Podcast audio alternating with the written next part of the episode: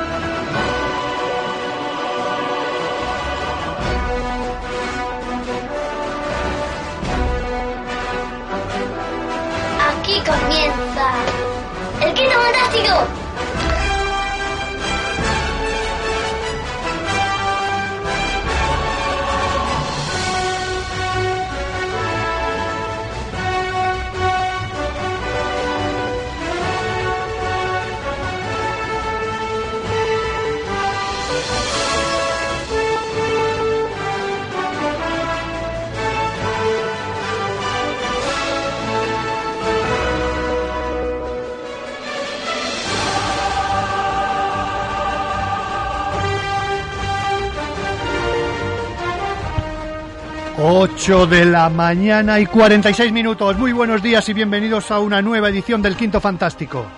Episodio 6 de la décima temporada. Desde este momento y hasta las 10 de la mañana toda la información del mundo del cómic y de lo que lo envuelve. ¿Nos acompañáis con un cafetito, tranquilamente, o lo que estáis haciendo? Eh, acomodaros sobre todo y disponeros a leer un buen cómic, por, dos buen, buenos cómics por la radio. Eh, y como no, hoy dar la bienvenida a quien nos coordina, trabaja para que todo esto funcione a la perfección. Hoy nos ha venido muy con espadas élficas, dragonas, dragones varios pintos. Doña Maite, muy buenos días.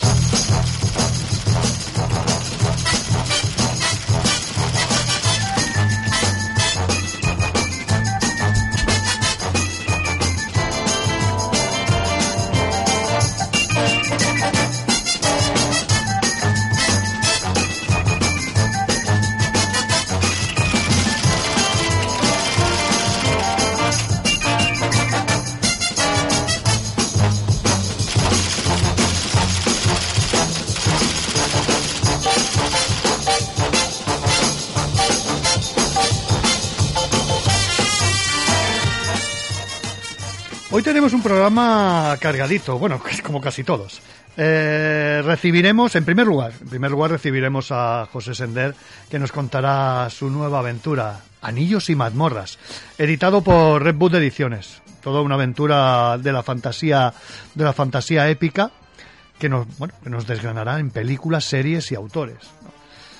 Eh, después tendrán su bautismo de fuego aquí en, el Quinto Fantástico, eh, tanto Fran Nuño como, Enrique Quevedo. Nos presentarán su, su último trabajo, Viaje a la Luna, editado por, por Salibook. Eh, pero antes que, antes que nada me gustaría comentaros un par de cositas. Eh, a ver, la, la primera es que es un proyecto que, que hemos comenzado entre Rafa Eilander, el inmortal, eh, nos hemos liado la manta la, nos hemos liado la, la manta a la cabeza y, y vamos a intentar realizar todas las, analizar todas las películas de, de James Bond. Ya que los dos somos unos fanáticos, contaremos con invitados, pondremos bandas sonoras, pondremos eh, trocitos de las de, de pelis, los más emblemáticos, ¿no?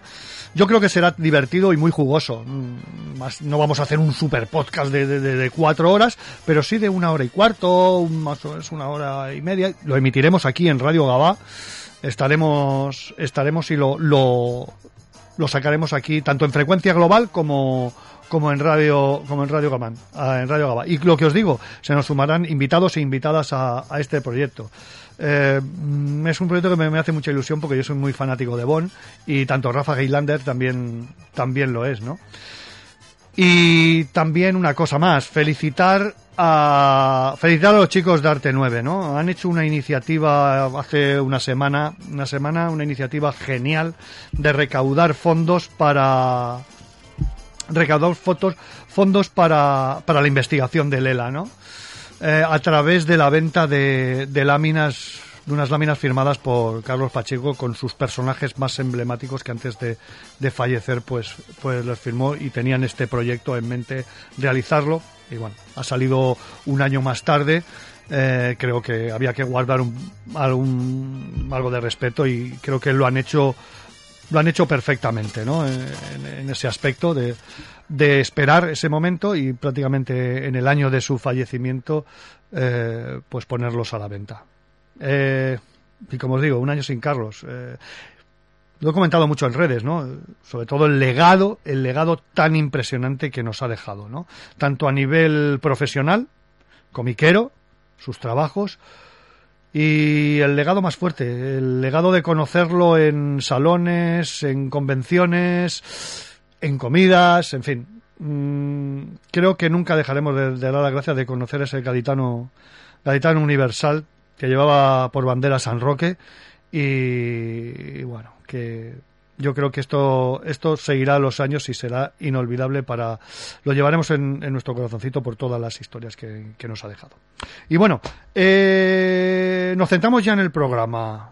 Tenemos en nada, en un par de minutitos, José Sender. Anillos y mazmorras. Hace mucho tiempo, allá en los albores de la Segunda Edad, los grandes herreros elfos forjaron anillos de poder. Nueve para los hombres mortales. Siete para los señores enanos. Tres para los altos reyes elfos. Pero entonces el Señor Oscuro aprendió el arte de hacer anillos y forjó un anillo maestro, el anillo para gobernarlos a todos. Con este anillo singular se adueñaba de la Tierra Media sin que nadie pudiera detenerle. Cuando la última alianza de hombres y elfos caía ante su poder, una inadvertida sombra heroica se interpuso venciéndole. Era el príncipe Isildur, uno de los grandes reyes del otro lado del mar, quien se apoderó del anillo.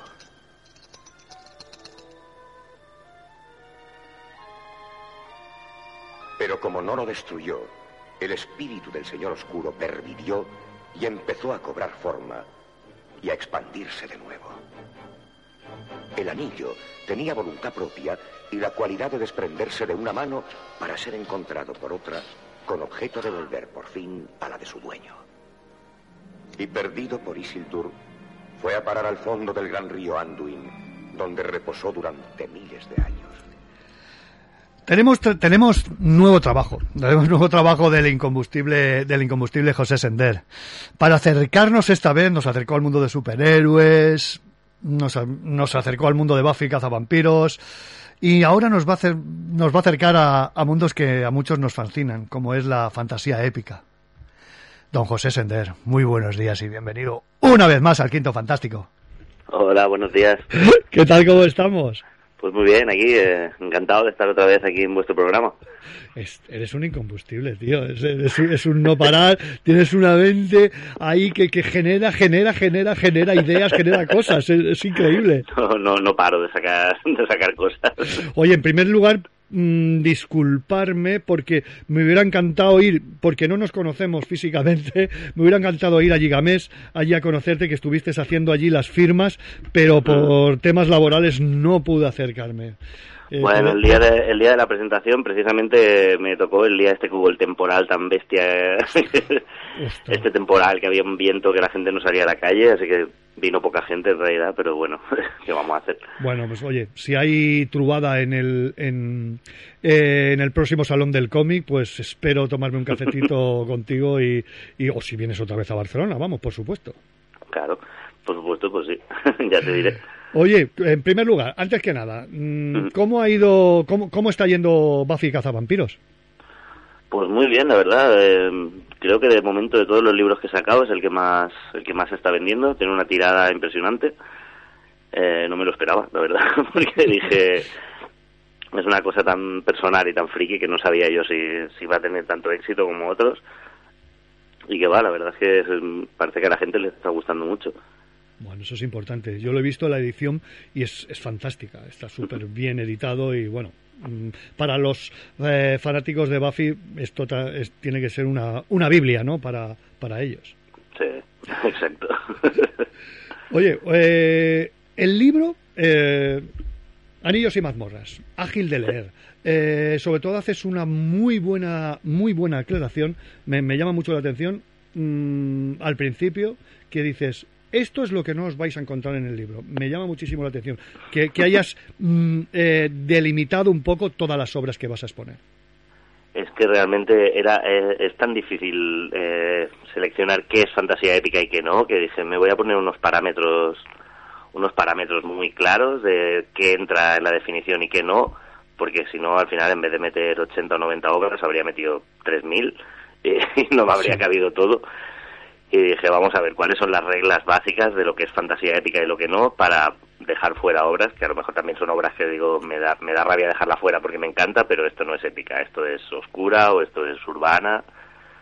Y sí, al final dije, pues sabes qué, voy a explicarlo bien claro al principio, que no venga alguien pensando, ay, a ver si está mi libro favorito, ¿cómo es que no lo ha puesto? Pues que vea que es por eso, ¿sabes? Porque eh, por eso eh, se me ocurrió lo de poner al principio cuáles son los distintos subgéneros de la fantasía y qué es lo que distingue a la épica y qué cosas no te encontrarás en el libro, ¿no? Oye, pues como muy, como muy bien dices, que no también que no se convierta en un super tochal, que sea, que sea, vamos, de, de, llevar, que sea una cosa ágil, que, que, lo tengas ahí, que lo quieras echarle un vistazo, que lo que lo quieras leer y que quieras, te quieras hacer un revisionado de, de alguna de las películas o series y que sea, sea muy ágil, ¿no? Como, como lo has hecho. ya, ya me costó porque, teniendo en cuenta el, tema de la fantasía épica, aunque he puesto películas, videojuegos y series y tal, también hay muchas sagas literarias que, que no son un librito de 300 páginas, que son 10 mm. volúmenes. Entonces, que resúmelas y analízalas en, en poquitas páginas para, que no se haga pesado. Mm. y esto ha sido bastante bastante difícil, pero creo que lo he conseguido. Eh, llámame profano, eh, pero me he encontrado con una palabra que no la había escuchado. Lo de tropos por doquier. Mm, explícanoslo para que el lector cuando lo coja que diga, ostras, voy a ir a esta parte porque es muy interesante. Ah, lo de los tropos. Sí. Bueno, tropos vendría a ser clichés. Son, mm, tropos como el paso previo a un cliché. Es cuando una una temática o una cosa que pasa en una historia se estandariza y es habitual que pase, antes de que nos hartemos de ella y ya se convierta en un cliché, ¿no?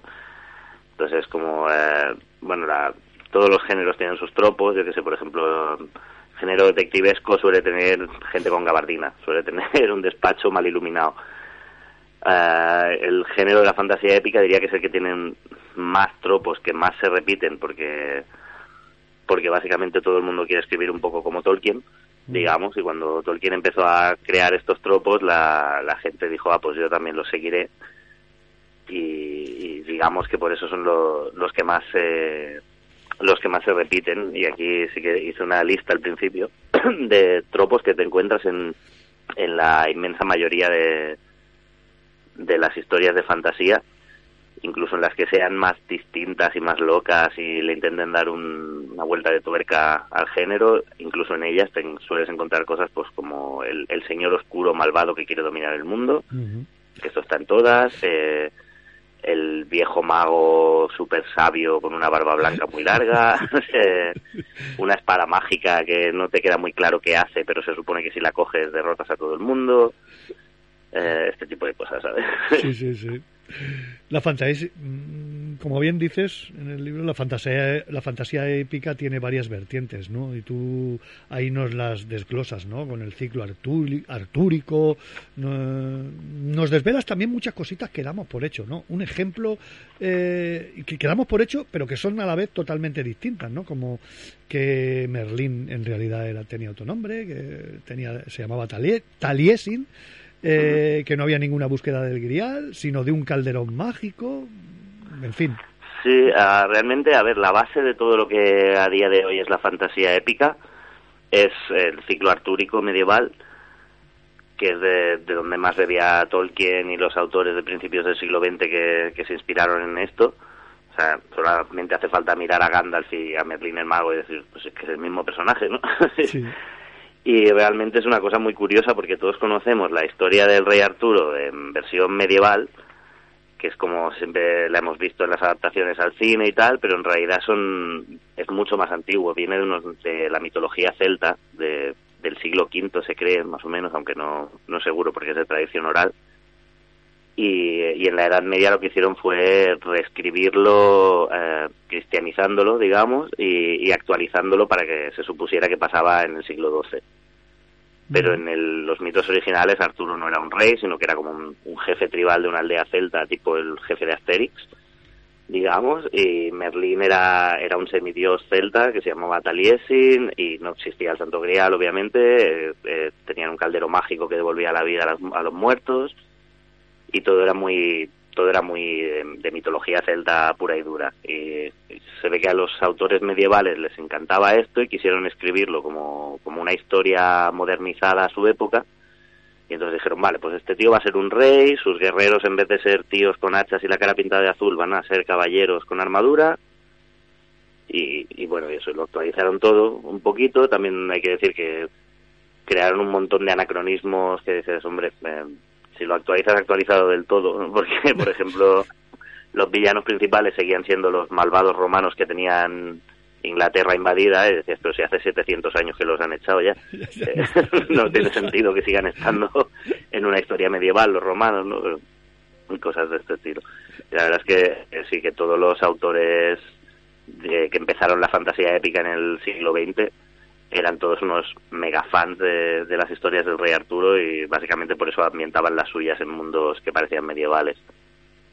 Fíjate que hay un, ahora que, dices, mm, hay un eslabón, por llamarlo de alguna manera, que une la fantasía clásica con la fantasía moderna, ¿no? que es un autor, Eric Rucker Edison, con una obra que es La serpiente de Uroboros, que me ha volado la cabeza. Cuando he llegado aquí eh, encima ha dado la casualidad que estaba viendo Loki, por eso te lo digo todo. ya has visto lo de y has visto, ¿eh? Como... ¿Qué pasa aquí? ¿Esto qué es ahora? Espérate. sí, es una novela súper curiosa porque es eh, 15 años antes que El Hobbit salió. Que mucha gente dice, fue Tolkien el que se inventó todo esto, y, y luego te lees esta novela y dices, está bastante peor escrita, hay que decirlo, porque Tolkien escribía mucho mejor, pero ya lo tiene todo. O sea, es el, el primero que dijo voy a coger todo el tema de la literatura medieval y las sagas islandesas, voy a mezclarlo y voy a hacer, mi propia historia de fantasía en un mundo imaginario. Y lo único es que era, a ver, es curiosa de leer, las aventuras son divertidas, pero el tío era, eh, Edison era tan fan de las sagas escandinavas que sus personajes resultaban bastante odiosos de leer porque se comportaban como vikingos de hacía mil años. Y, eran, y eran todos bastante insoportables y aparte el tío era muy de era de la nobleza. Este hombre no recuerdo si era un conde un duque o algo así.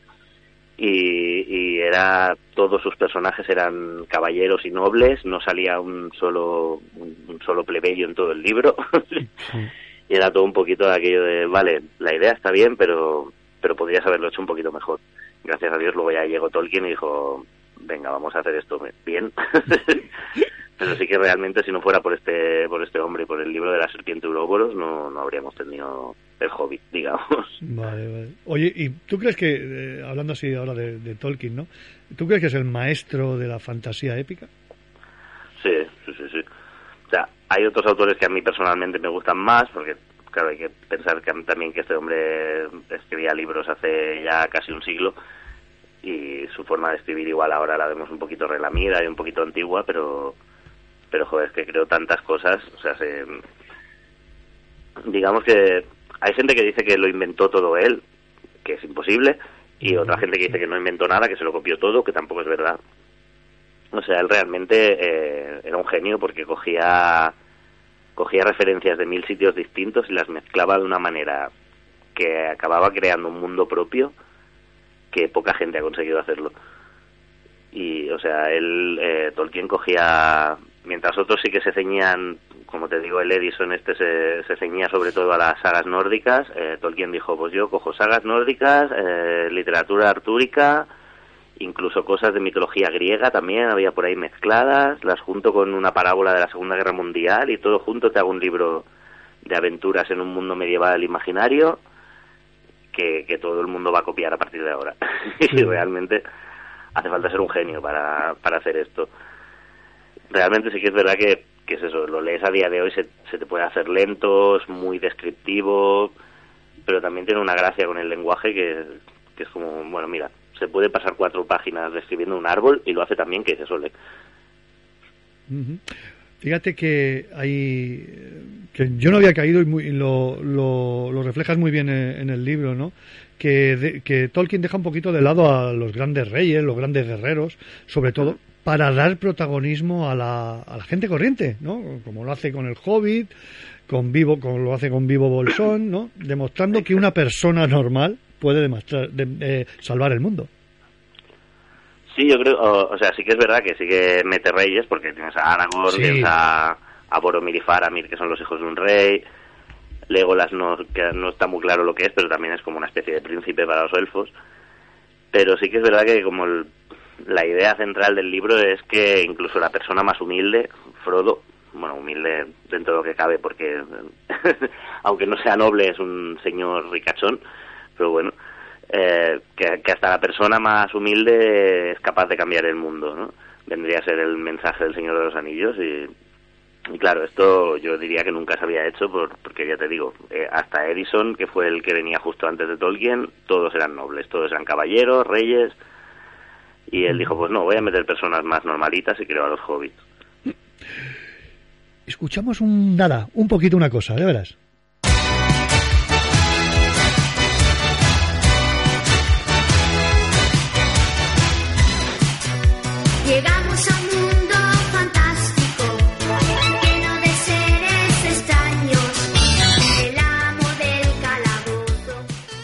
Gary Gugax y David Arneson crean este mundo fascinante, ¿no? De dragones y, y, ma, y mazmorras, ¿no? Juegos, películas, series, es un auténtico lujazo.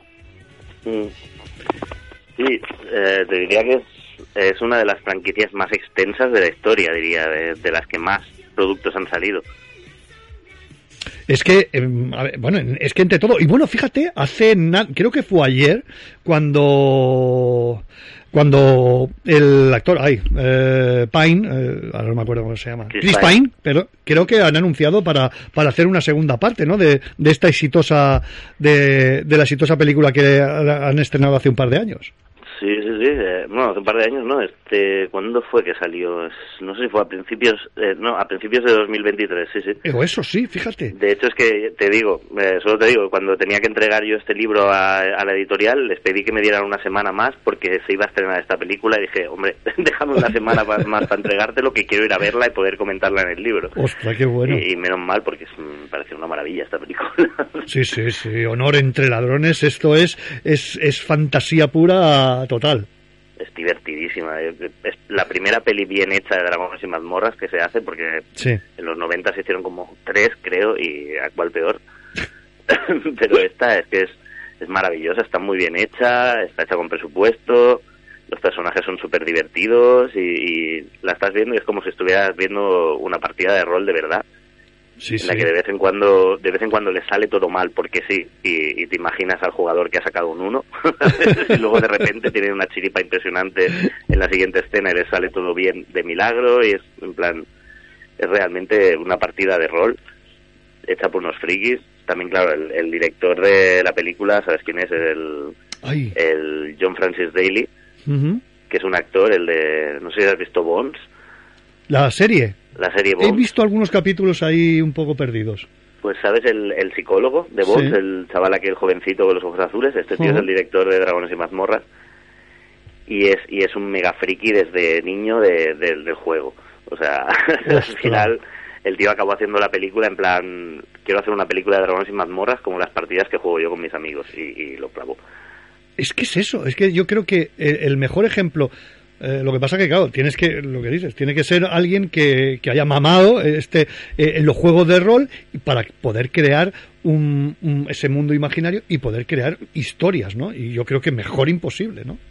Claro, lo bueno que tiene esto es que eh, gente que no sea fan del rol y que no haya jugado en su vida esto se va a divertir porque la peli es muy divertida, tiene muchas aventuras, mucho humor y gente que sea fan del rol lo va a disfrutar incluso más porque va a ir pillando los guiñitos de los guiñitos relacionados con esto.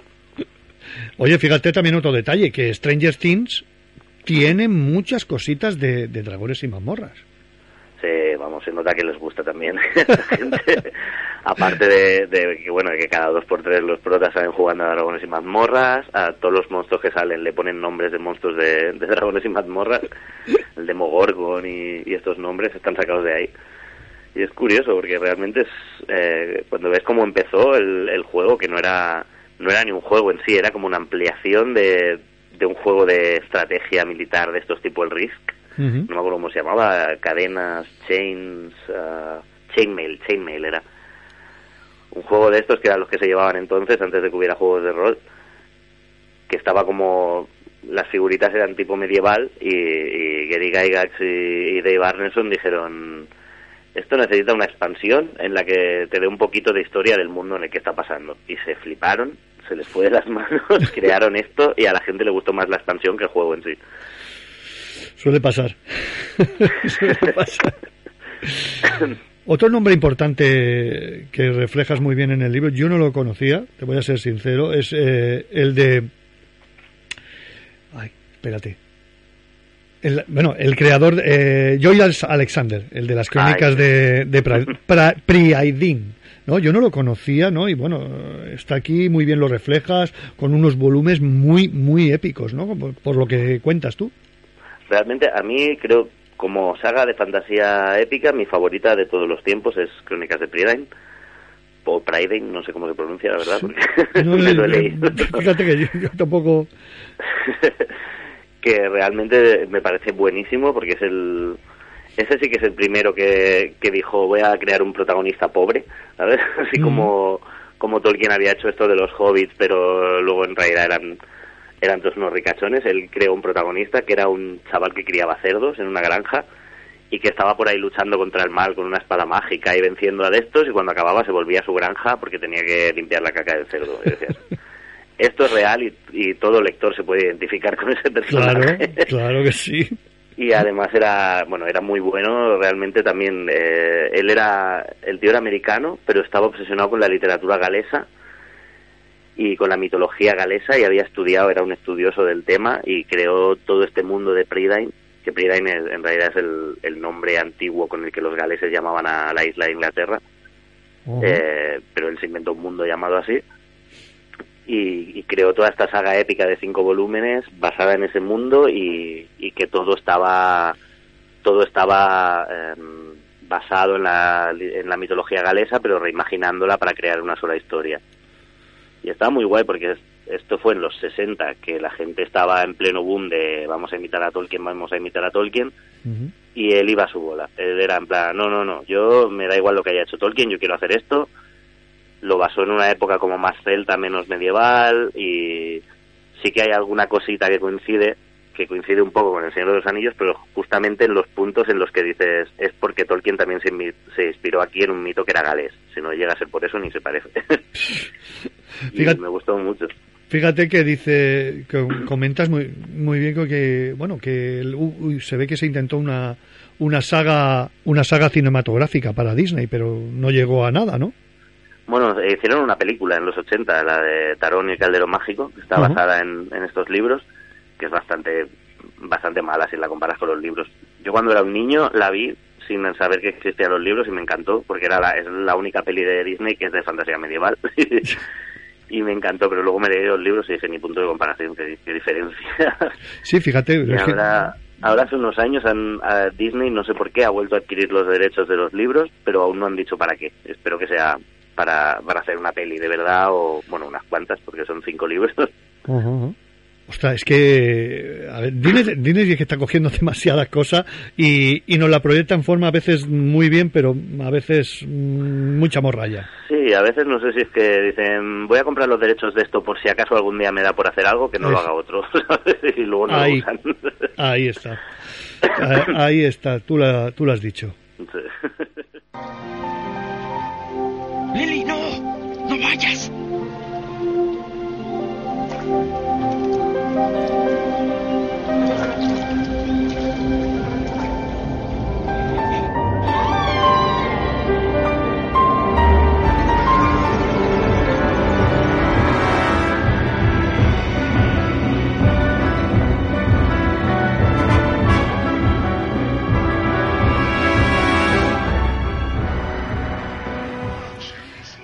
Legend. La verdadera leyenda es Tim Curry, como tú muy, muy bien dices en el, en el enunciado de, de, la- de- pocos- de la película. Libro. villanos del cine pueden ser tan carismáticos como Tim Curry vestido de demonio. Es espectacular. Fíjate, oye, hay, hay directores, ¿no? Como puede ser Peter Jackson, Peter Jackson ¿no? Eh, Mm. sobre todo en este género. Y Toto también, yo creo que es Ridley Scott, ¿no? Ridley Scott es que es, es una maravilla porque hace de todo. O sea, no, hay otros directores que piensa, te dicen su nombre y ya piensas en un género concreto, ¿no? O sea, te dicen, yo qué sé, eh, Sergio Leone y piensas en western. Eh, pero te dicen Ridley Scott y, y ¿qué? Eh, fantasía, ciencia ficción, hace, hace de todo el hombre. Ahora acaba de sacar una peli sobre Napoleón, que no tiene ya nada que ver con... Y, y realmente yo creo que en los 80 fue la, la peli que, que re- revitalizó el mundo de la fantasía épica, ¿no? Porque fue una, una peli de alto presupuesto en una época en la que, que tampoco se hacía tanto cine de fantasía, ¿no? Un poquito, y él dijo, pues voy a pillar aquí a un chorro de estrellas, un chorro- bueno, de estrella era Tim Curry, Jovencísimo, era ahí estaba Tom Cruise muy joven, ¿no?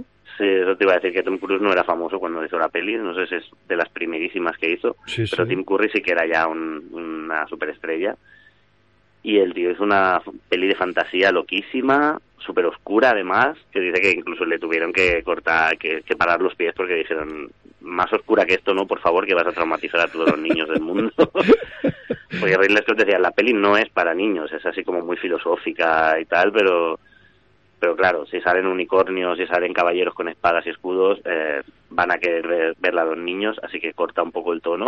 Sí, sí. Bueno, es que es eso. De hecho, no sé si sabes que la, la banda sonora, que es como súper tétrica y da bastante mal rollete, en Estados Unidos, aunque a pesar de que la peli es americana, en Estados Unidos la, la cortaron y pusieron otra banda sonora que no se parecía en nada, mucho más alegre, Y hasta como 30 años después que salió la versión extendida en DVD, los propios yankees no tenían ni idea de cómo era la banda sonora de, de su película. Solo, solo lo supimos los europeos. Es que eh, tienes la película esta y bueno, la- la- las sintonías son como muy muy muy de aquel, ¿sabes aquellos finales cuando te crees que has cargado te has cargado al malo en una película de terror? Que- sí, sí, es, es eso que parece que sale el, bue- el el chico la chica que lo ha rescatado y pum, y de repente te viene el malo y te pega tozasca, ¿no? Y fíjate lo Sí, que tú dices. cual.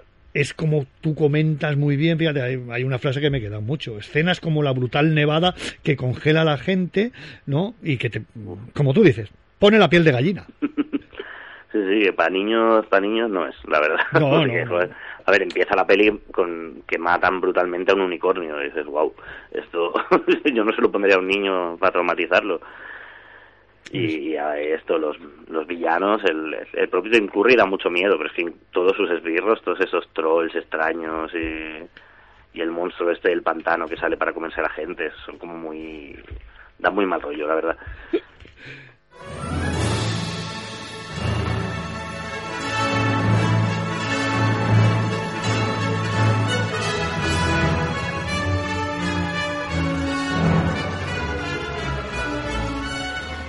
Me ha alegrado muchísimo que pusieras Willow. ¿Qué quieres que te Estaba diga? oyendo la banda sonora ahora es mi banda sonora favorita, creo yo. Es espectacular. Bueno, James Horner Forever. Sí. De hecho, he puesto la película y la serie porque a mí, aunque no haya tenido tanto éxito, la serie también me encantó. ¿Sí? ¿Te gustó a ti la serie? Sí, sí, a mí muchísimo. No tanto como la película, porque la peli es como muy mítica de mi infancia, pero, pero la serie, si me quitaba la nostalgia de encima e intentaba verla de forma objetiva, me, me parece muy bien hecha, la verdad. Matt Mardigan, el Hora Dana, los Daiki- Daikini, los Brownies, la Herrera Sorcia. bueno, es, es un auténtico, es una auténtica catarata de, de- de fantasía, ¿no? Es una maravilla, o sea, me pareció genial. También el guion es de George Lucas y se nota. Sí. porque es un poquito Star Wars la historia, si lo piensas, es el granjero que vive tranquilo, apartado, y de Mm. golpe se tiene que ir a una, una guerra contra el mal, y sus ayudantes son una princesa rebelde y un, y un bandido cara dura. es un momento, esto ya lo he visto antes. Pero está súper bien. Oye, y además me encanta lo de que, que la gracia principal es que el enano, en lugar de ser el secundario gracioso, es el prota y es el héroe, y me encanta esto. Oye, otro, otro director mítico, Ron Howard. Ron Howard tiene, un, tiene una cosa que es que puede hacer una peli de un, de un tema que te interese lo, lo mínimo y dirige también que te quedas con la boca abierta mirándola. Me pasó un día que pusieron eh, Apolo 13, creo que era, por la tele. Que yo decía, a mí es que las pelis de astronautas me aburren, pero eh, empezó y me quedé con la boca abierta como 10 minutos, en plan, jo, qué bien dirige este hombre. no podía apartarme de la tele, aunque no me, no me interesara la película. Que realmente es muy bueno Ron Howard. Mm, Val Kilmer es uno de mis actores. Mi top 3 está ahí, está siempre, estará siempre metido Val Kilmer, ¿no? Y me ha alegrado muchísimo. No lo sabía que, que, que después de esta película se había casado con Joanna Walley. Mm, y después, fíjate, después de esta curiosidad, también hay otra que Lucas continuó eh, la historia con una trilogía de libros, ¿no? Sí, sí, sí, las crónicas de la Guerra de la Sombra. Que la, bueno, la- las empezó Lucas, bueno, él esbozó el, un poco el argumento y se las escribió Chris Claremont, el guionista de, de Marvel. Sí, Eh, luego hicieron una serie de cómics, pero los cómics eran adaptaciones de la peli, no eran de las novelas. Y en principio la serie de televisión continúa a partir de las novelas. Se puede ver sin haberlas leído, sin problema, pero, pero sí que continúa un poco eh, en el mundo que queda después de estas novelas. Que de hecho lo que más me dolió de la serie es que no saliera Van Martigan, pero claro, obviamente Mm. pobre Val Kilmer no está ya hoy en día para, Hasta- actuar, pobrete. Uf, qué pena, ¿eh? Bueno, no sé si viste la de Maverick, el, ese cameo. No- Maverick. eh, Ah, la de Top Gun, no, Sí. no la he visto la nueva. ¿Sale? ¿Hay un cambio suyo? Sí, pero bueno, mm, míralo, no te, no te digo nada, míralo y, eh, No, bueno, se, lo not- que- se- se nota que han pasado los años y bueno, la enfermedad esta que tiene y tal. Sí, claro. En la serie tuvieron que inventarse toda la trama de Man Martigan ha desaparecido, vámonos a buscarlo, porque así podían hacer una serie sin él.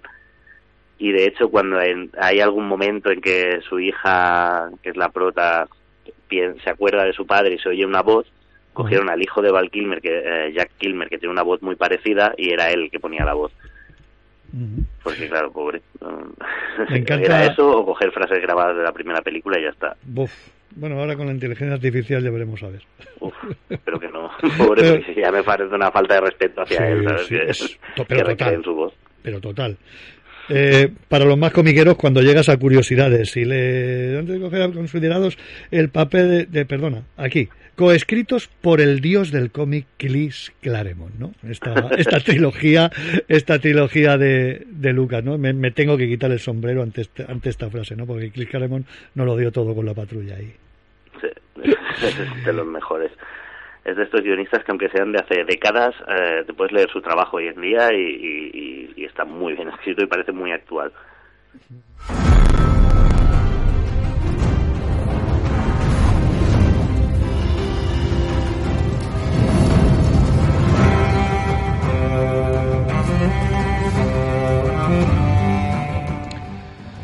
Canción de Hielo y Fuego, Juego de Tronos, George R. Martin.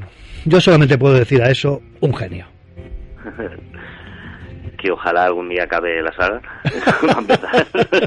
me tiene de los nervios, deseando ver cómo acaba, que acabe mejor que la serie, por favor. Eh, yo soy muy, muy, muy fan. Tengo que decir que soy de estos fans que, que se hicieron fans a partir de la serie, pero pero de forma bestial. Se estrenó la primera temporada y antes de que se estrenara la segunda ya me había leído todos los libros de- del tirón. Es que eh, es un pasote, según ibas a...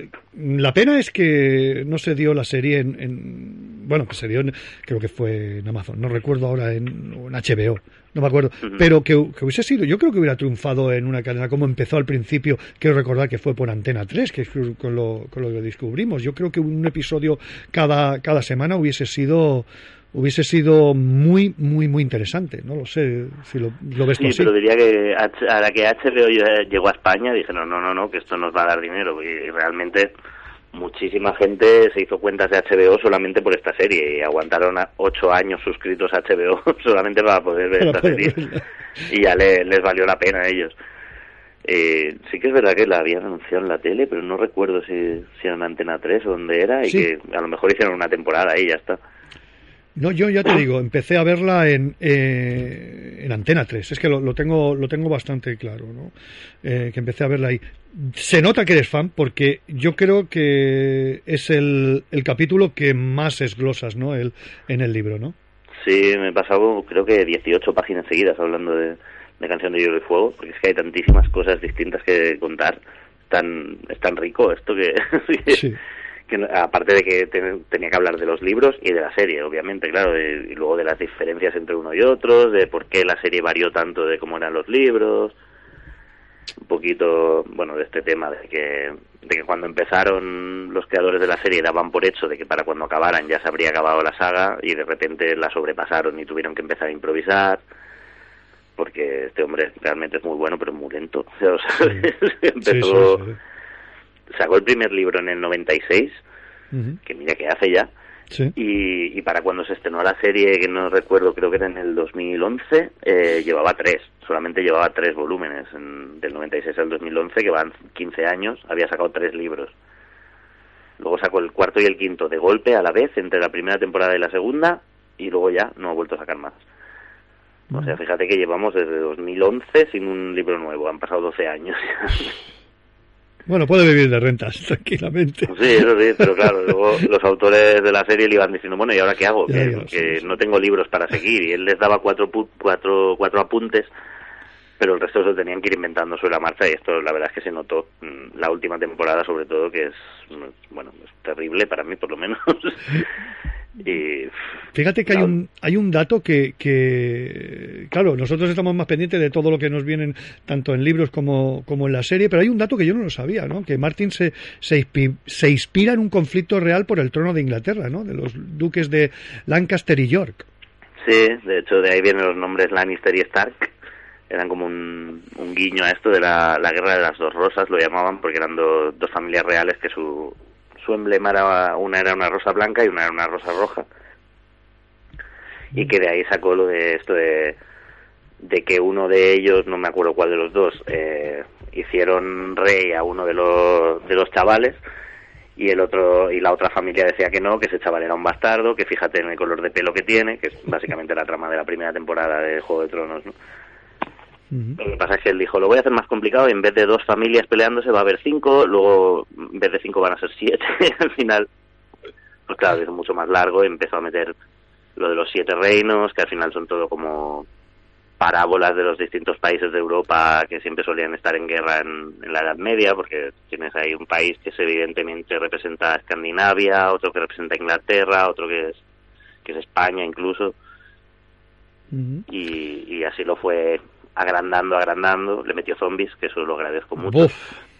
Lo mejor. porque, sí, porque mira, lo de, lo de meter zombies en una historia de fantasía medieval, solo lo había hecho precisamente yo y Alexander en las crónicas de Prydain, y, y no lo había vuelto a hacer nadie hasta que lo hizo este hombre ya en Juego de Tronos, y, y se agradece, porque es una cosa más original que, que dragones y elfos y enanos, como hace todo el mundo.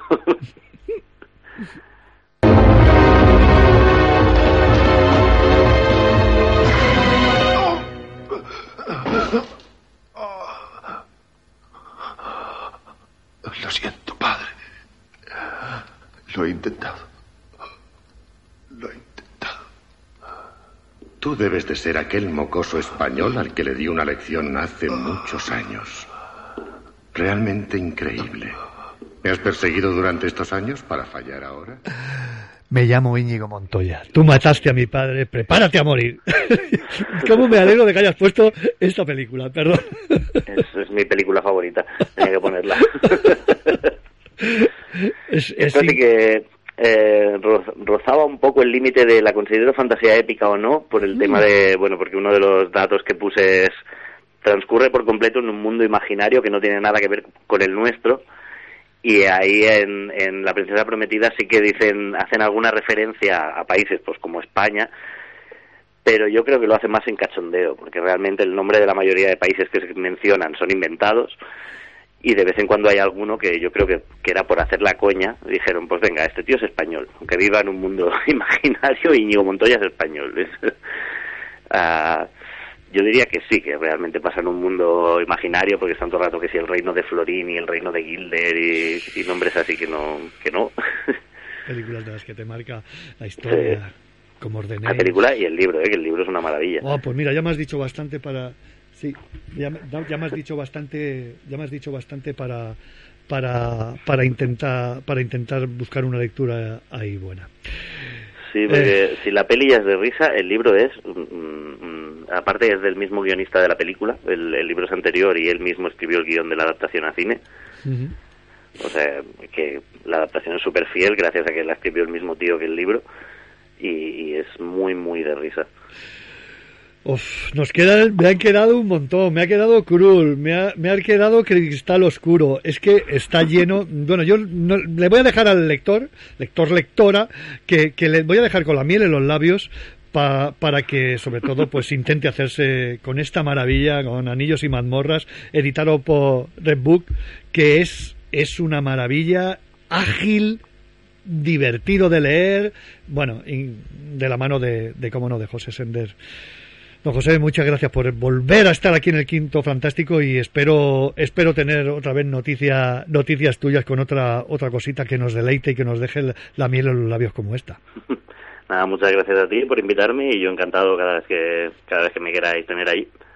Oye, y nos vemos. La próxima vez que, mm, que vengas a Barcelona, a ver si, o si, si es Salón del Cómic o otra presentación, por ahí estaremos y a ver si, si me puedo escapar desde Gabá, viaje relámpago a Barcelona y venga, pum, y nos vemos Perfecto. físicamente. Perfecto, pues yo encantado. Pues muchísimas gracias, José. a ti.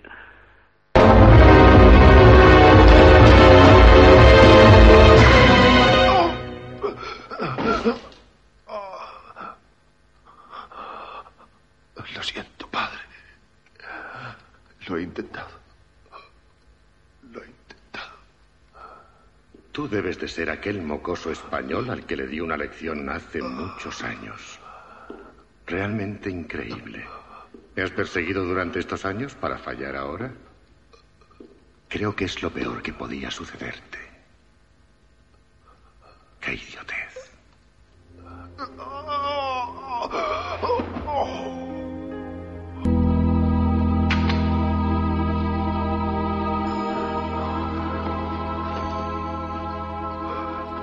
Cielo santo. ¿Todavía intentas ganar? Tienes un gran sentido de la venganza. Algún día te va a crear serios problemas.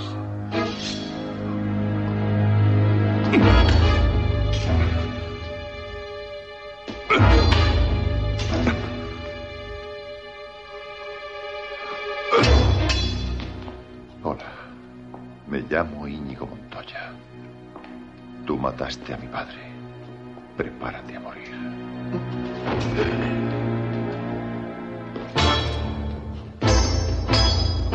Hola. Me llamo Íñigo Montoya. Tú mataste a mi padre. Prepárate a morir. Hola. Me llamo Íñigo Montoya. Tú mataste a mi padre. Prepárate a morir. ¡Ya basta de decir eso! ¡Hola! Me llamo Íñigo Montoya. Tú mataste a mi padre. ¡Prepárate a morir! ¡No! Ofréceme dinero. Sí, Y también poder. Prométemelo. todo cuanto poseo. Por favor, Ofréceme todo cuanto te pida. todo cuanto me pidas. Quiero que vuelva mi padre, maldito.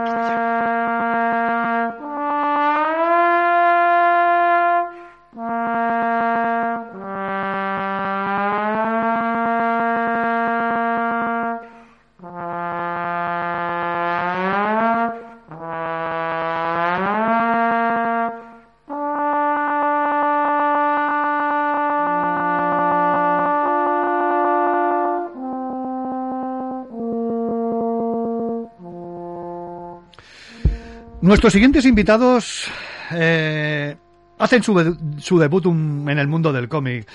El primero es Fran Nuño, nacido en, en Bilbao, vive, pero vive en Sevilla. Se fue a Sevilla desde muy pequeñito, es escritor, dinamizador cultural, librero, editor publicando más de 50 libros en varias editoriales. Ha recibido un buen número de distinciones, menciones importantes, premios, tanto por su obra literaria como por su labor a favor de la lectura, ya que realiza cada temporada infinidad de actividades en colegios, bibliotecas, salas culturales, haciendo incursiones incluso en los medios de comunicación, como puede ser la radio, en el programa radiofónico La, la Gran Evasión. Así que yo creo que hoy no le será desconocido este medio. Don Fran, muy buenos días y bienvenidos al quinto fantástico de Radio Gabá. Hola, buenos días Alberto, encantado de, de estar con vosotros. ¿Qué tal? ¿Cómo estamos? Bien, bien, muy bien. Aquí pues eh, disfrutando de estos días que estamos promocionando nuestro nuestro cómic con Muy Enrique. bien, muy bien. Y nuestro siguiente invitado, Enrique Quevedo. Fijaros lo que dice, se considera un tipo con suerte, o al menos le, le gusta muchísimo su trabajo. Nace en Chiclana, eh, quien des- desde tiernas edades sintió fascinación por la pintura y por la creación de, de todos estos mundos, paisajes, criaturas. Yo creo que inspirado seguramente por Capitán Trueno, Carpanta, Zipizape, que creo que abundan en su casa. O fijaros qué fuente de inspiración, el cine de verano que tenía su abuelo. Finalmente, gracias a su faceta como ilustrador de libros infan- infantiles, ha convertido su sueño en realidad. Don Enrique, muy buenos días y bienvenido al Quinto Fantástico de Radio Gabá. Buenos días, Alberto. Buen día. Y, y contento de volver a Barcelona de alguna manera. Ahí está, aunque sea a través de las ondas, pero bueno. A cara que sigue de esta manera. perfecta, perfecta, muy bien. ¿Qué tal? ¿Cómo estás? Bien, bien. Aquí, como dice Fran, pues perdidos en este en este mar de, de- del cómic, que no es que no es pequeño, nuevo para nosotros, pero bueno. Oye, pues yo os, yo os espero que lo único que os deseo es que os sintáis a gusto. Eh, bueno, y sobre todo, a ver, Fran como, librero seguro que tendrán mil y una batallas con, con el tema con el tema de cómic, vaya. Oye, ¿y ¿cómo, cómo lleva? ¿Lleváis mucha pareja de lleváis mucho tiempo de pareja de baile? Como se suele decir. Pues sí, vamos, este es nuestro nuestro quinto libro ya publicado. Empezamos en, en 2011, bueno, en 2011 salió primero, pero ya eh, algún año anterior ya estábamos eh, trabajando en el, en el que fue nuestro primer libro. Lo que sí es verdad que hemos hecho un parón de, de una década prácticamente. Cada uno pues ha estado haciendo distintos proyectos con otros autores, otros ilustradores pero estábamos esperando pues ese proyecto que nos embarcara de nuevo para trabajar juntos y por fin llegó y ha sido en forma de cómic. Enrique, ¿tú te habías lanzado alguna vez así de tan de lleno en el mundo del cómic? No, no, no, no, para nada, para nada. Eh, lo veía como, como una montaña imposible de escalar. Era una cosa que, eh, que- no que no me había planteado. A ver, estaba ahí porque me, me gustaba ya, pero bueno, ya ya por ahí decía que que, que eso que me que me crié, mis primeras lecturas fueron fueron los tebeos y siempre ha estado ahí. Lo que pasa es que, claro, el, el álbum ilustrado, pues, es mucho más cómodo eh, de resolver. Y, y esto fue algo que, que tenía ahí cruzado y, y que se lo planteé a Fran y mira, pues nos metimos en el lío Porque sin saber dónde íbamos a ir, pero bueno, salió y ahora muy contento, ¿no? Y sobre todo que Salibus confiara en nosotros, que a fin de cuentas pues éramos unos novatos en este mundo. Porque la idea de, de quién de quién sale, sale es, es tuya, ¿no, Enrique? Sí, sí, ya te digo, pues de aquel cine de verano, de, de tantas películas que, que vi allí de niño y, y de aquellos tebeos, pues, pues salieron estas cosas. Eh, mm, lo que pasa es que sí, eh, había muchas veces había hablado con Fran de, sobre Méliès y bueno, y sabía que Fran tenía el interés por Me- tenía interés por, por Méliès, mucho interés como yo y y bueno, realmente empecé a dibujarlo, te- dibujé prácticamente el primer capítulo mm, y una vez que lo tenía, pues en, en principio lo, te- lo tenía más o menos en mente como algo sin texto, quizás con, con intertítulos o, o con alguna cartela, pero poco más. Pero bueno, dije, bueno, pues podría ser buena idea subir a Fran a esta historia. Y claro, en cuanto que se lo planteé, pues ya el que te cuento. Bueno, Fran también, no te he preguntado, pero has tenido que beber, bueno, de beber de, de fuentes, de tus fuentes han tenido que ser, pues, también el mundo del cómic, la literatura, ¿no? Sí, la verdad que eh, en la literatura me, me gusta todo, me gusta picotear de, de todo y, y bueno, el cómic siempre ha estado ahí como, como lector y también tenía ese sueño de introducirme en el mundo del cómic como, como guionista y la verdad que cuando Enrique pues me invitó a, a este viaje tan peculiar, pues la verdad que no lo pensé dos veces y me subí a la, a la nave, ¿no? Y bueno, pues me mostró esas viñetas que ya tenía preparadas, le, eh, les, eh, les preparé el- las, las cartelas, los bocadillos a ese primer capítulo y ya a partir de ahí, bueno, pues empecé a escribir el, el guion de todo lo que fue surgiendo después y, y bueno, pues eh, la verdad que muy contento con el, con el resultado, ¿no? Eh, respetando evidentemente todo lo que nos dejó John Melier en esa película, pero sí es verdad que, bueno, pues nosotros también pues hemos hecho nuestra propia versión, hemos eh, a lo mejor pues eliminado alguna escena, hemos incorporado algo pues más nuestro, en fin, pero respetando, digamos, ese recorrido, ese mapa que nos dejó yo, John Melier, ¿no? Fijaros que, bueno, la obra yo es, tiene, eh, ha tenido que ser primero guisada a fuego lento y después hay dos hándicaps que yo creo que, que habéis tenido que superar. Uno es crear, Frank, crear los diálogos y otro, Enrique, crear ese colorido que destaca la obra, viniendo la, la procedencia de, de un blanco y negro, de una película, ¿no?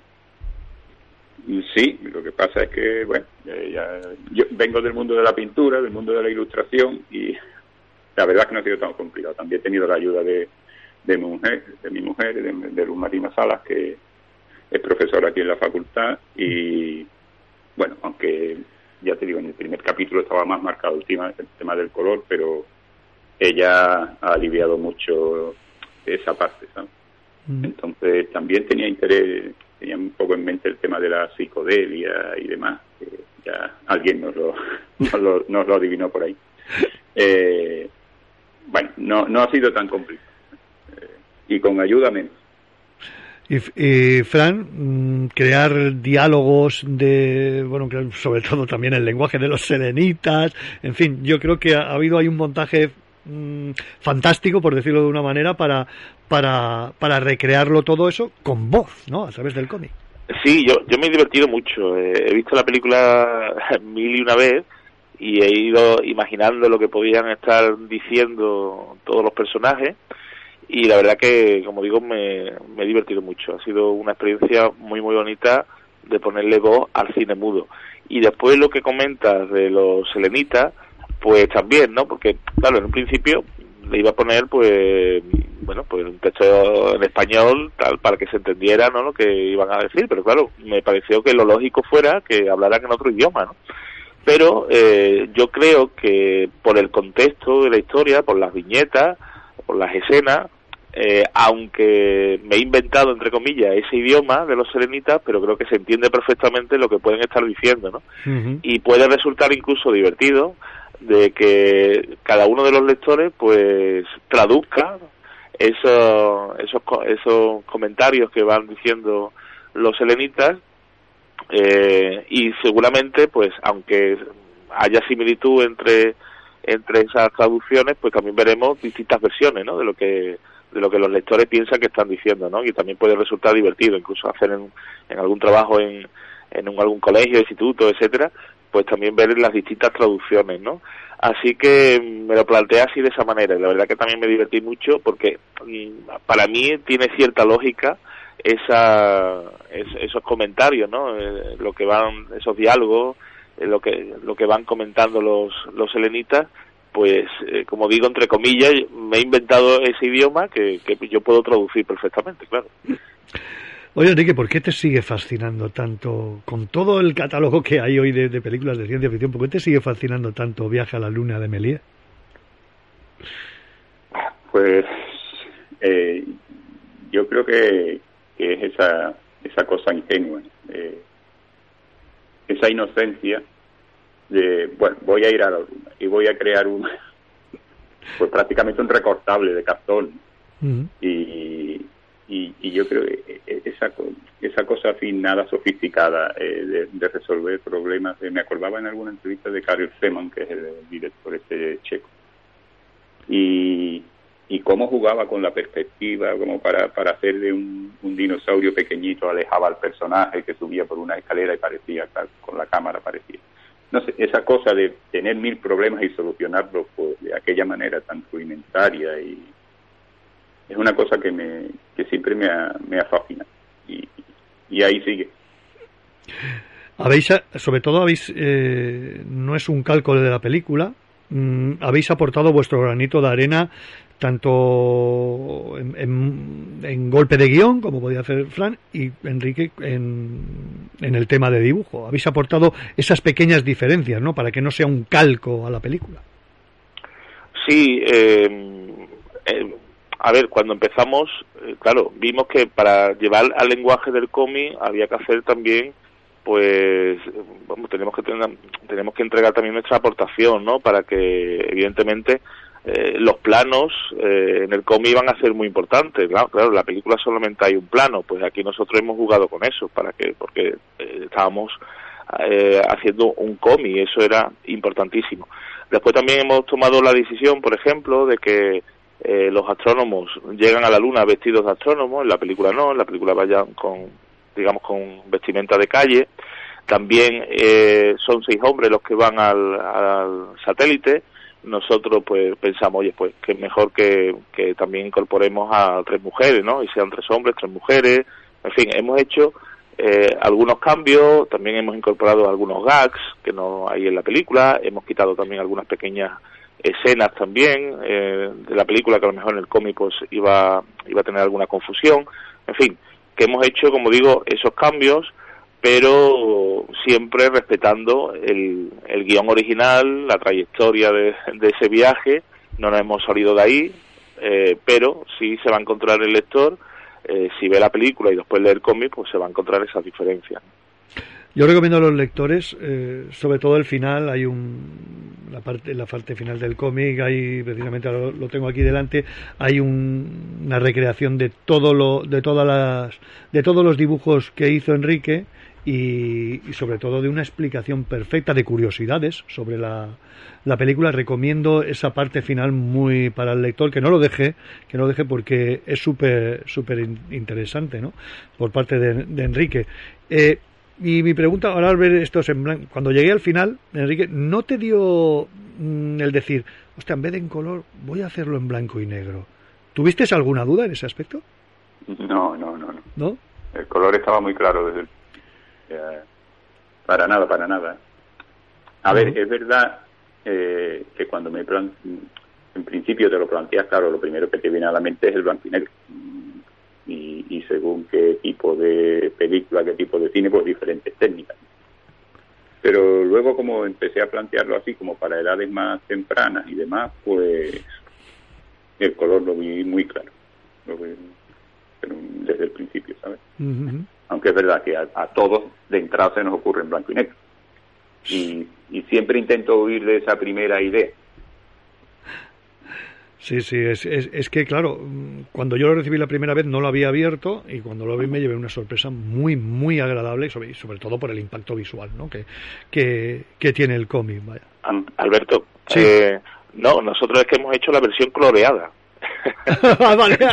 Ostras, es verdad. Vamos, ¿os acordáis de, de cuando empezaron a colorear las películas? Aquella- Vamos, de hecho, de hecho John Melier hizo una versión coloreada a mano por él, por él mismo. Así que existe, de esta película existe la versión en blanco y negro, pero después también la versión coloreada que él hizo él mismo, ¿eh? a mano, eh, cogiendo los negativos y coloreándolo él. Entonces, nosotros nos hemos basado en la versión coloreada, y hemos hecho nuestra propia versión coloreada. Sí, pero yo no, yo no he mirado la versión coloreada. ¿eh? No, yo, No, no, no. no, yo tampoco la he visto. La he vuelto a ver la película otra vez Sí. con motivo de preparar la entrevista y bueno, siempre me- en YouTube siempre me salía la de blanco y negro, vaya. Claro, claro, que la que la sale. Pero bueno, que eso, que, que es, la, es la, la huida de la primera idea, de lo primero que se me ocurre. Ah, muy bien.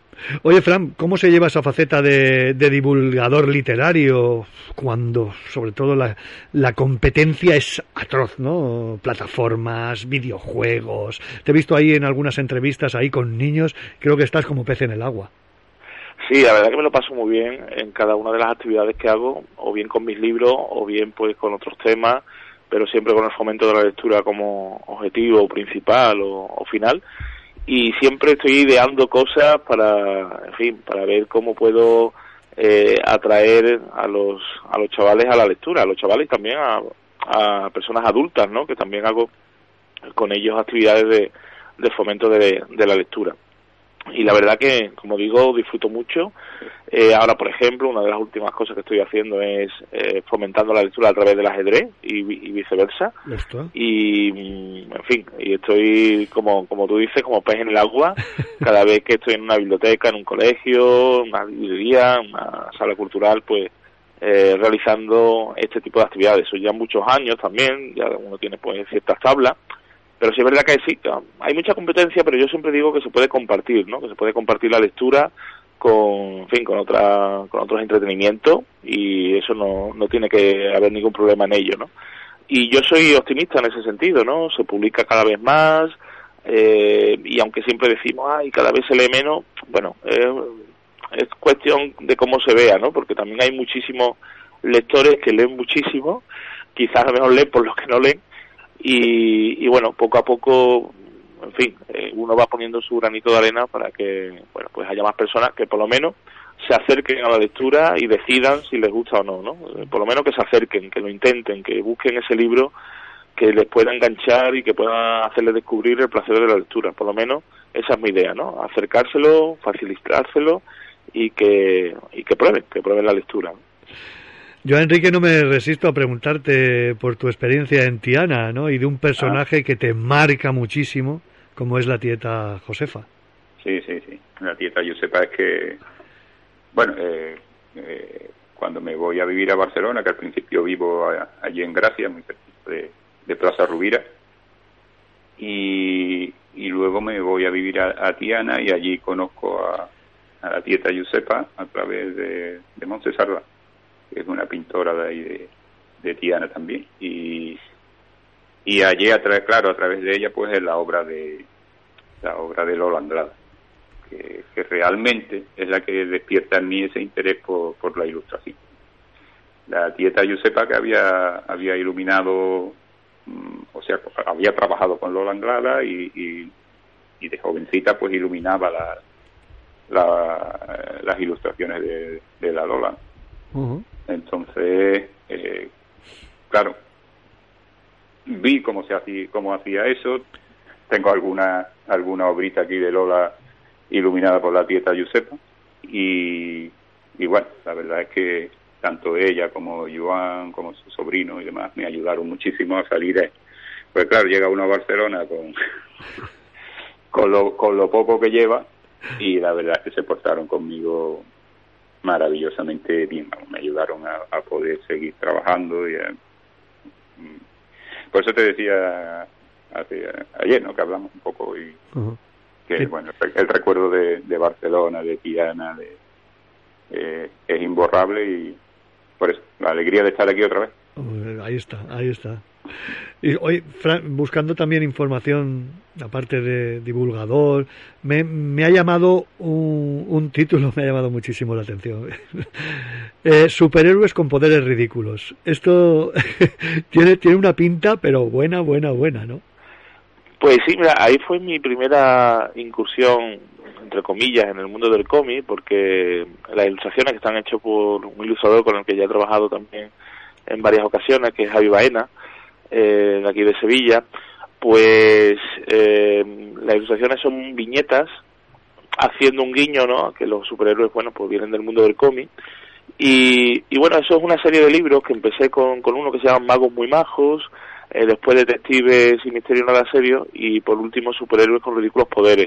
Entonces lo que hago es, eh, bueno, coger un tipo de personaje que le puede gustar mucho a los niños, a mí también, evidentemente, y jugar con, con ese tipo de personajes, llevarlo a mi terreno, eh, al humor, a la cotidianidad, y entonces pues, eh, bueno, pues esa fue la, la tercera entrega de, como digo, de esta serie que le llamé Magos, Detectives y Superhéroes, y en este caso pues son cuatro superhéroes, cada uno tiene su historia independiente y que tienen un superpoder pues un poquito ridículo, digamos, comparado con los, los grandes superhéroes, pero ellos se creen grandes superhéroes y quieren ayudar a todo aquel que lo necesite, ¿no? Así que, bueno, pues es un libro donde mezclo el humor, la fantasía y, la aventura. Tiene buena, tiene buena, muy buena pinta.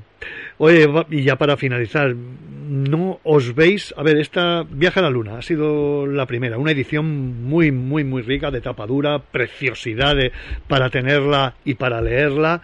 No os aventuráis, Enrique. No te, igual no eres muy amante de esto de, estar, eh, de tener que entregar viñet, eh, dibujos, venga, a, un cierto tiempo, pero no os aventuráis a hacer a partir de aquí, de viaje a la luna, hacer más cositas como podría ser, a ver, 20.000 leguas de, de viaje submarino, la máquina del tiempo, mm, no sé, no sé si os dejo ahí ese pequeño reto. Enrique, ¿tú qué dices? Yo que, hombre, eh, sí, lo que pasa es que necesito un, un pequeñito descanso después de Ah, después de haber estado en la luna y volver y todo este lío. Hace falta un poco de... Es que no, no paro, ¿sabes? Entonces eh, ahora necesitaba un pequeño, por lo menos parón pequeño, no sé cuánto, pero pues, porque la, la ilustración esta ha sido una- han sido unos meses muy en, las que, en los que se ha juntado demasiado y, Bueno, eh. Pero bueno, sí, claro, eh, eso está ahí, abierto. es que sería, vamos, sería hacer un... eh, bueno, ahí se lo dejo a Salibook, a ver si, si se anima y hacer, no sé, eh, no sé cómo lo ve Fran, de, de- de hacer, de adaptar estas, estas historias que te he comentado, que son hi- historias eternas y que puede ser, vamos, para, para leerlos tanto a nivel de adulto como a nivel de niño. Sí, bueno, tenemos ahí algo, algo pensado. ¡Ay! Vale, Eh, no, pues no Enrique lo digas.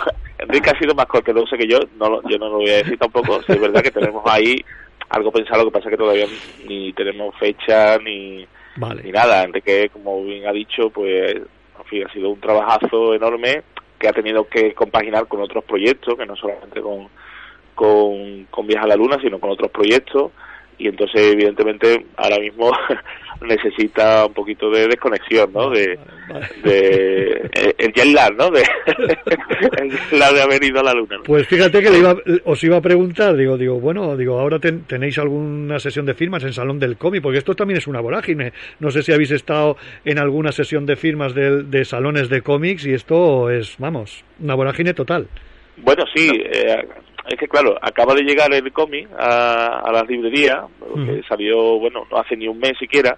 Hemos estado en la Feria del Libro de, de Sevilla. eh, yo, por mi parte, eh, en las bibliotecas que visito, pues eh, he mostrado ya el libro a algunos niños, eh, a algunos bibliotecarios, y para, la, para el año que viene, para 2024, sí estamos preparando una pequeña gira por distintos espacios aquí en Sevilla y, y en, otra, en otras ciudades eh, para presentarlo e incluso con la proyección de la película. ¿eh? Ostras, qué bueno. Sí, sí, sí, sí. La idea es, como la película dura 15 minutos, con lo cual, pues, hombre, pues se puede compaginar en presentación y proyección. Y entonces la idea es proyectar la película y después, pues, explicar nuestro trabajo, cómo ha sido llevar la película al cómic, lo que hemos hablado ahora, las diferencias, similitudes, en fin, y que el público pregunte lo que quiera. Y esa es la idea, ¿no? De que en directo, pues, la gente vea la película y pueda ver, pues, el cómic y, y bueno, y consultarnos todo lo que desee.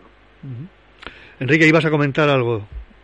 Sí, no, que, nos ha, que, me, que me ha encendido la chispa, ¿sabes? Ajá. Ha encendido la chispa y la mala cosa has hecho. No, pues, eh, bueno, yo no digo nada porque si- siempre dicen que después estos estos proyectos se, se gafan si, si los dices y tal y bueno, por eso vale saber que, que, que podéis hacer algo algo así, vamos a vamos a correr un tupido velo, saber que podéis hacer algo así, pues siempre siempre es interesante y desde luego desde aquí de Radio Gaba del Quinto Fantástico estaremos estaremos atentos.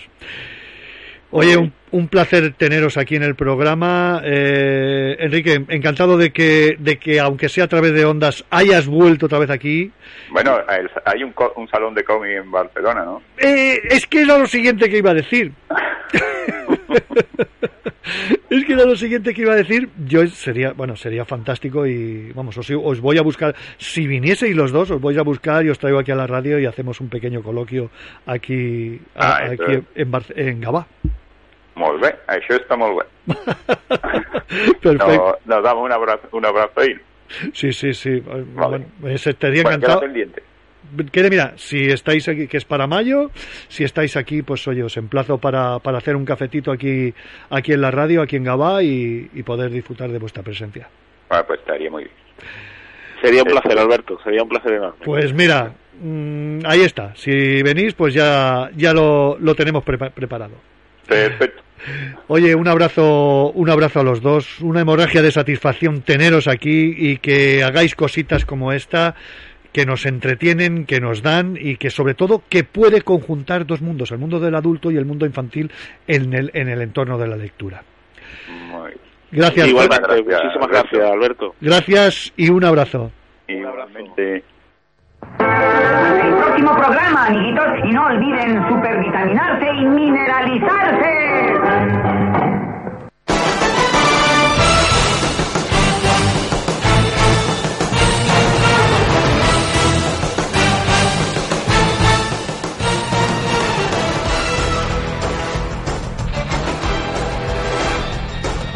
Y nos vamos. El martes que viene tenemos dos aventuras. No os, no os desvelo nada más, pero tendremos mu- mucha música y mucho miedo. Ahí os lo dejo. ¿Queréis leer un cómic por la radio? Sí, aquí, en Radio Gabá. Gracias.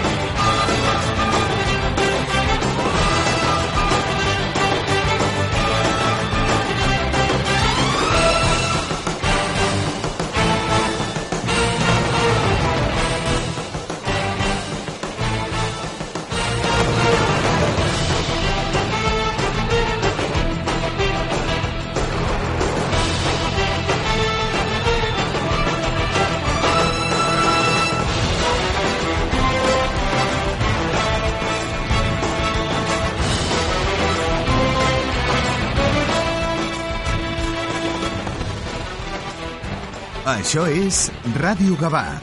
En Ianes Plantillas Deportivas Gabá contamos con un equipo de podólogos que cuidarán y mimarán tus pies como nunca lo hicieron. Con más de 30 años dedicándonos a la podología, somos líderes en plantillas. Contamos con servicio especializado de cirugía del pie, destacando entre nuestros pacientes deportistas profesionales. Trabajamos con las principales mutuas, también puedes visitarte con nuestro servicio de traumatología. Llámanos 936621162 o ven a vernos. Estamos en el carré de San Josep Puriol número 7 de Gabá, porque la salud de tus pies es mucho más importante de lo que crees. Te esperamos en Ianes Gabá. Estàs pensant a posar plaques solars a casa teva? Doncs passa't a l'energia solar de manera fàcil i segura amb la teulada, experts en energia solar i el nou espai d'assessorament per a la ciutadania i les empreses. Informa't a la teulada arroba amb.cat o contacta'ns per WhatsApp al 645 725 465. La teulada és un servei de l'AMB finançat amb el Fons Europeu de Desenvolupament Regional. AMB, Metròpolis de Barcelona. Hola. Vida Mejor, tu inmobiliaria en Gabá, tiene un plan sencillo para que vendas tu piso seguro y es que disponemos de más de 2.400 compradores para ti. Además, Vida Mejor pone a tu disposición un magnífico equipo de expertos inmobiliarios y coordinadoras que te acompañarán hasta el mismo día de la notaría. Te esperan en Paseo Maragall número 20. Vida Mejor, la inmobiliaria con suerte en Gabá. Això és Ràdio Gavà. Això és Ràdio Gavà.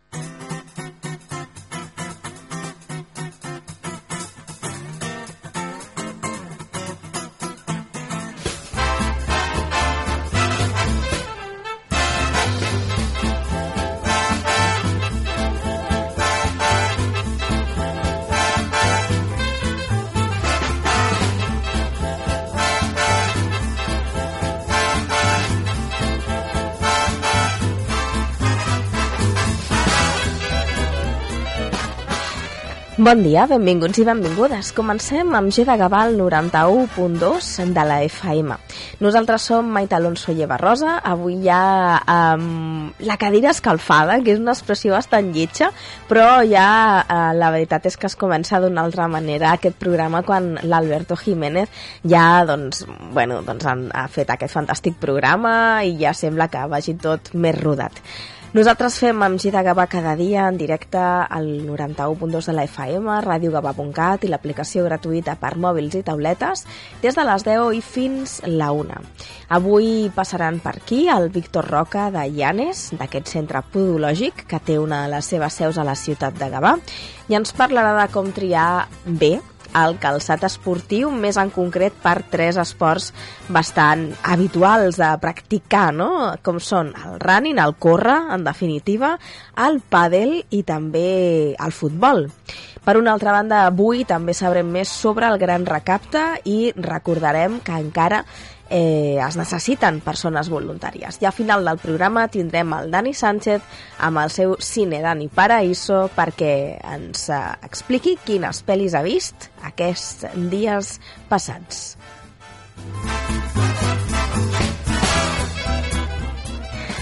Recordeu que ens podeu seguir a les xarxes socials, que estem a Facebook, a Twitter i també a Instagram, i que si voleu us podeu afegir al canal dels mitjans de comunicació municipals a Telegram, com Gavà al dia informa.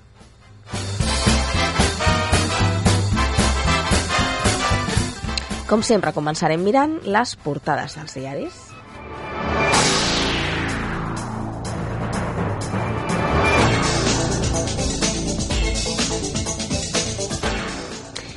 El diari El País, de fet tots els diaris parlant de la nova, del nou govern, no? de, del nou govern, govern de Pedro Sánchez. Un govern continuista amb més pes polític, és el que diu El País. El president reforça a Bolaños, que afegeix justícia al seu departament, i a Montero, que serà vicepresidenta. Maria Jesús Montero, no confondre. Los, eh, els ministeris d'Estat continuen amb els seus titulars actuals i Sumar escull quatre cares noves. El PSOE recupera igualtat amb Ana Redondo, Fernández Vara va declinar ocupar una cartera, els perfils de les 12 dones i dels 10 homes del nou executiu. Avui els diaris doncs, fan aquests perfils. El Partit Popular creu que Sánchez aposta pel xoc i la confrontació. Belarra carrega contra els nomenaments per als seus, les seves posicions conservadores i els lletrats del Congrés avalen que es tramiti la llei d'amnistia. Milei obrirà la seva presidència amb una onada de privatitzacions a Argentina. El nou mandatari d'Argentina està disposat a resistir a les protestes. Per cert, abans de continuar, ja us demano perdó per aquesta veu, que és probable que al llarg del dia vagi empitjorant i per la qual també ahir no, no va haver programa. El diari La Vanguardia ens diu Milei rebutja la moderació i proclama el final de la decadència argentina. I Sánchez afegeix al seu nucli dur perfils per a la brega política guanyant pes Bolaños, en Presidència i Justícia, i Maria Jesús Montero, que ara és vicepresidenta. Alegria serà portaveu, Puente va a Transports i Areu serà ministra d'Indústria. Igualtat torna al PSOE, mentre que Sumar manté cinc carteres, però cap per a Podem. La Vanguardia avui també destaca llista d'espera rècord per ser operat a Espanya. Shakira paga 7 amb 3 milions per eludir la presó per frau i té dues causes més. Després que si les mujeres ja no lloran, les mujeres facturan. Les mujeres com ella defraudan. El diari La Vanguardia diu Gavi diu adeu al que queda de temporada. Ridley Scott, Napoleó, és més que Déu, més que Cèsar. En referència doncs, a aquest eh, anar a dir personatge històric. Bueno, al final doncs eh, sí, personatge però, però realment històric i important. I la Vanguardia també parla de l'acomiadament d'Alman que sacseja la indústria de la intel·ligència artificial.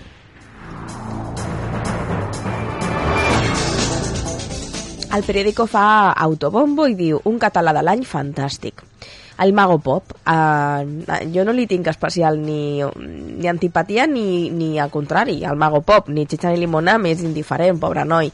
Però eh, a qui li importa? Vull dir, a qui entrega un premi al diari El Periódico com a català de l'any? A mi, no. Puc dormir sense saber-ho i sense l'existència d'aquests premis. El periòdico també diu que Sánchez reforça el govern amb els negociadors de la investidura. Treball investiga una subcontrata de les obres del Camp Nou. Shakira admet frau fiscal i tanca amb 25 milions els embolics amb Hisenda i Milei anuncia a la resar a l'Argentina canvis dràstics. El diari Ara avui porta aquests titulars. Sánchez es blinda. També diu que l'Argentina s'entrega a la incertesa. La Generalitat compra l'arxiu del fotògraf Francesc Catalarroca, un fotògraf fantàstic, que del ben segur heu vist fotos seves.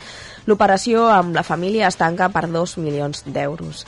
Gaza escriuen a la pell dels fills, dels fills com es diuen per poder identificar-los si moren. I Shakira, 24 amb 7 milions per evitar la presó. Anem al diari El Mundo, que avui diu Sánchez munta un govern per a la guerra total amb el, amb el Partit Popular. El nou lletrat del Congrés dona llum verda a l'amnistia al eh, veure-la similar a la de 1977. La plaga de diezma al futbol, el doble de lesions que fa 20 anys. Piqueras va fer de mitjancer per convèncer Frank Ganillo de fitxar per Telecinco. Milei anuncia una onada de privatitzacions i 14 ministeris menys. I la foto de portada és per Shakira, que sembla una foto promocional, amb una llum allà perfectament posada. 3 anys de presó i 7 amb 3 milions per defraudar.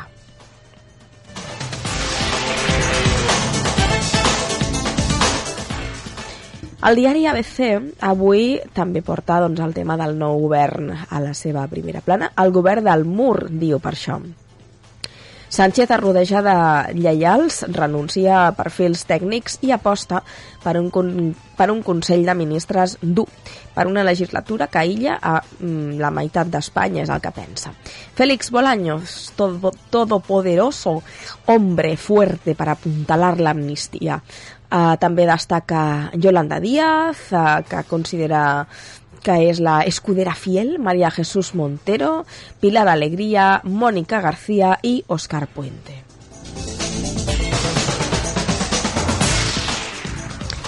Anem a mirar el Brugués Digital, que ha incorporat a la seva primera plana el, la constitució del segon Consell d'Infants d'Àgava. Aquest Consell d'Infants es va presentar a l'espai Maragall i aquí eh, trobem alumnes de 5è i 6è de primària de totes les escoles de Gavà que han estat escollits durant el mes de setembre per la resta de companys i companyes. Seran la veu de la infància i transmetran aquelles inquietuds a la ciutat, als responsables de la nostra ciutat. Per una altra banda, el Brugués Digital avui també destaca que té lloc la concentració a la plaça Major per eh, commemorar el 25N i diu que més de 100 persones van participar de l'activitat de l'esplai al Mamut per mm, commemorar el Dia dels Drets dels, eh, dels Infants, el dia, el dia Universal dels Drets dels Infants. Per una altra banda, aquest diari també incorpora una informació política que diu que Junts, per Gavà, reivindica més educació per frenar la violència masclista. I fins aquí les portades dels diaris. Ara anirem a al dia.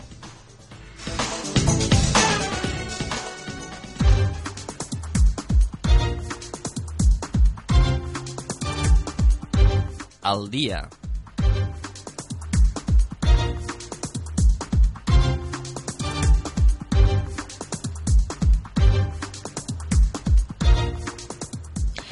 Comencem amb la previsió del temps de l'AEMET, l'Agència Estatal de Meteorologia, que ens diu que avui acabarem veient el sol. Jo que no he sortit aquest matí, que